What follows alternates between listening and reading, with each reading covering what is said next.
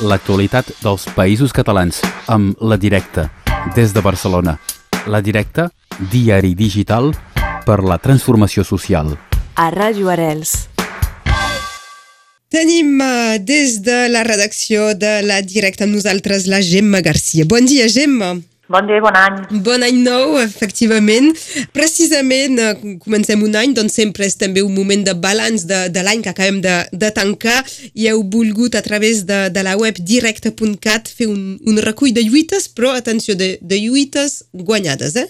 Exacte. Creiem que també moltes vegades no, tenim, bueno, fem un periodisme no, de denúncia, d'investigació, d'això, de denúncia de les vulneracions de drets, però creiem que era important també posar el focus en les victòries, encara que puguin ser victòries parcials, victòries petites, que han aconseguit els moviments socials i les lluites durant aquest 2022. No? Creiem que té valor perquè també és un motor d'aprenentatge i un motor per, per seguir avançant i seguir millorant les condicions les condicions de, de la gent. I per tant hem fet un recull de petites victòries dels moviments socials dels països catalans i van des de lluites, petites victòries en l'àmbit antirepressiu, en el moviment pel dret a l'habitatge, en l'ecologisme, en l'antiracisme o el feminisme. I us poso alguns exemples, però podeu recuperar aquest reportatge en clau esperançadora i positiva a la web, però, per exemple, aquest any 2022 hi ha hagut algunes sentències importants, com per exemple l'arxivament, finalment, la, la, la prescripció ja del cas d'Aturem al Parlament, que no sé si recordeu que és un cas de fa una dècada vinculat al moviment 15M, que justament es va fer una protesta davant del Parlament de Catalunya que havia d'aprovar unes retallades molt flagrants no, de partides socials i aquell mateix dia va haver una mobilització. Aquesta mobilització va acabar amb una denúncia i finalment amb una condemna no, contra vuit persones que van ser condemnades a tres anys de presó. Aleshores, després de 10 anys d'aquells fets, aquestes persones poden respirar, ha sigut un procediment judicial molt llarg, però finalment no, amb aquesta, aquesta causa, la causa de tornar al Parlament, ha quedat, ha quedat arxivada. No? Per tant, bona notícia no? que aquestes persones abandonin aquesta condemna, eh, sense ser una condemna en el sentit literal, no? però aquesta condemna a la incertesa i de tants anys pendent d'aquesta resolució. També hem de dir, i això ens afecta com a periodistes i afecta el dret a, el dret a la informació, que també s'ha ratificat una condemna d'un agent de Mossos d'Esquadra antiavalot, que va trencar el dit justament un periodista de la directa, que és Jesús Rodríguez, i es va ratificar la condemna d'aquests Mossos per haver agredit el periodista Jesús Rodríguez durant una protesta. No? També ens semblava com una bona notícia en clau de protecció del dret a la informació. I ja sortint d'aquest àmbit més eh, antirepressiu, repressiu, moviment pel dret a l'habitatge, que creiem que no, és un dels moviments força forts als països catalans, doncs volíem recordar, més en clau genèrica hem volgut recordar que malgrat que hi ha, eh, diguéssim, com una mitjana d'un desnonament cada hora als països catalans, doncs que el moviment ha aconseguit aturar-ne moltíssims a porta, posant el cos i també negociant i també fent tot tipus d'accions i mobilitzacions.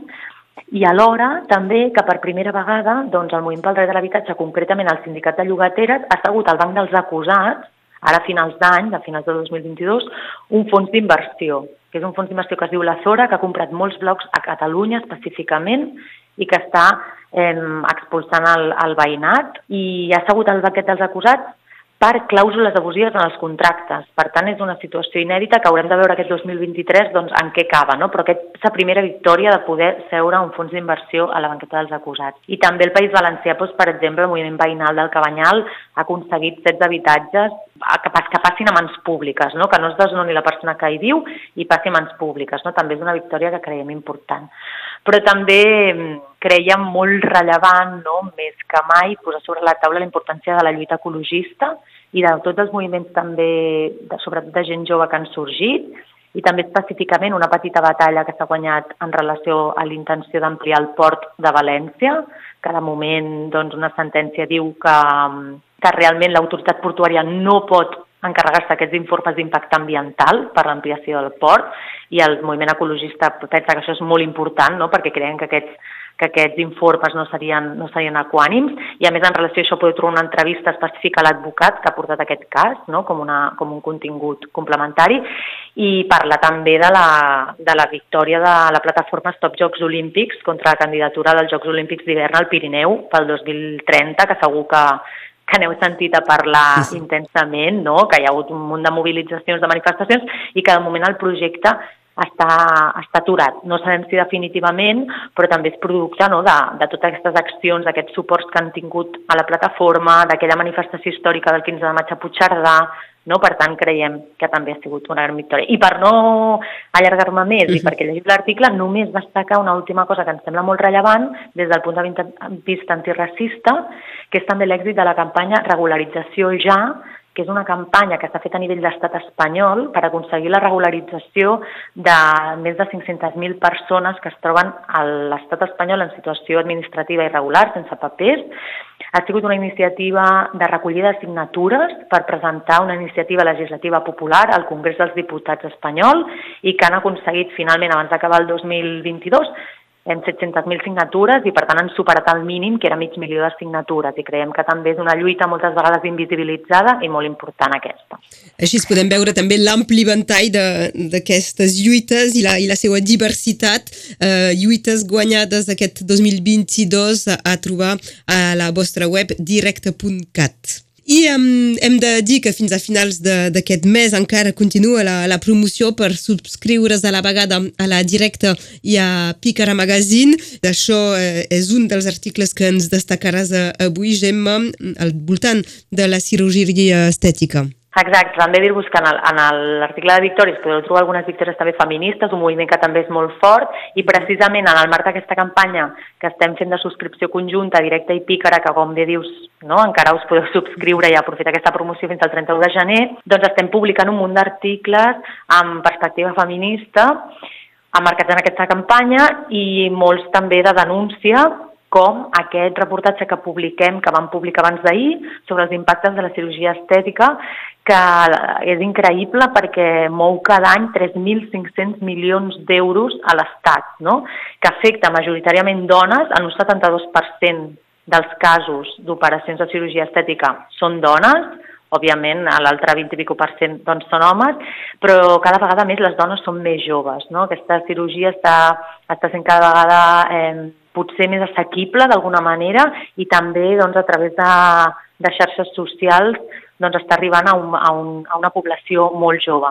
En aquest reportatge podeu trobar un testimoni força colpidor d'una noia que amb només 32 anys doncs, les pròtesis de silicona de la multinacional Allergen li van, li van causar un càncer del sistema limfàtic, no? per exemple, i tot el patiment que li ha generat doncs, aquesta operació de, de pits no? i aquesta afectació sobre la salut que, que ha tingut.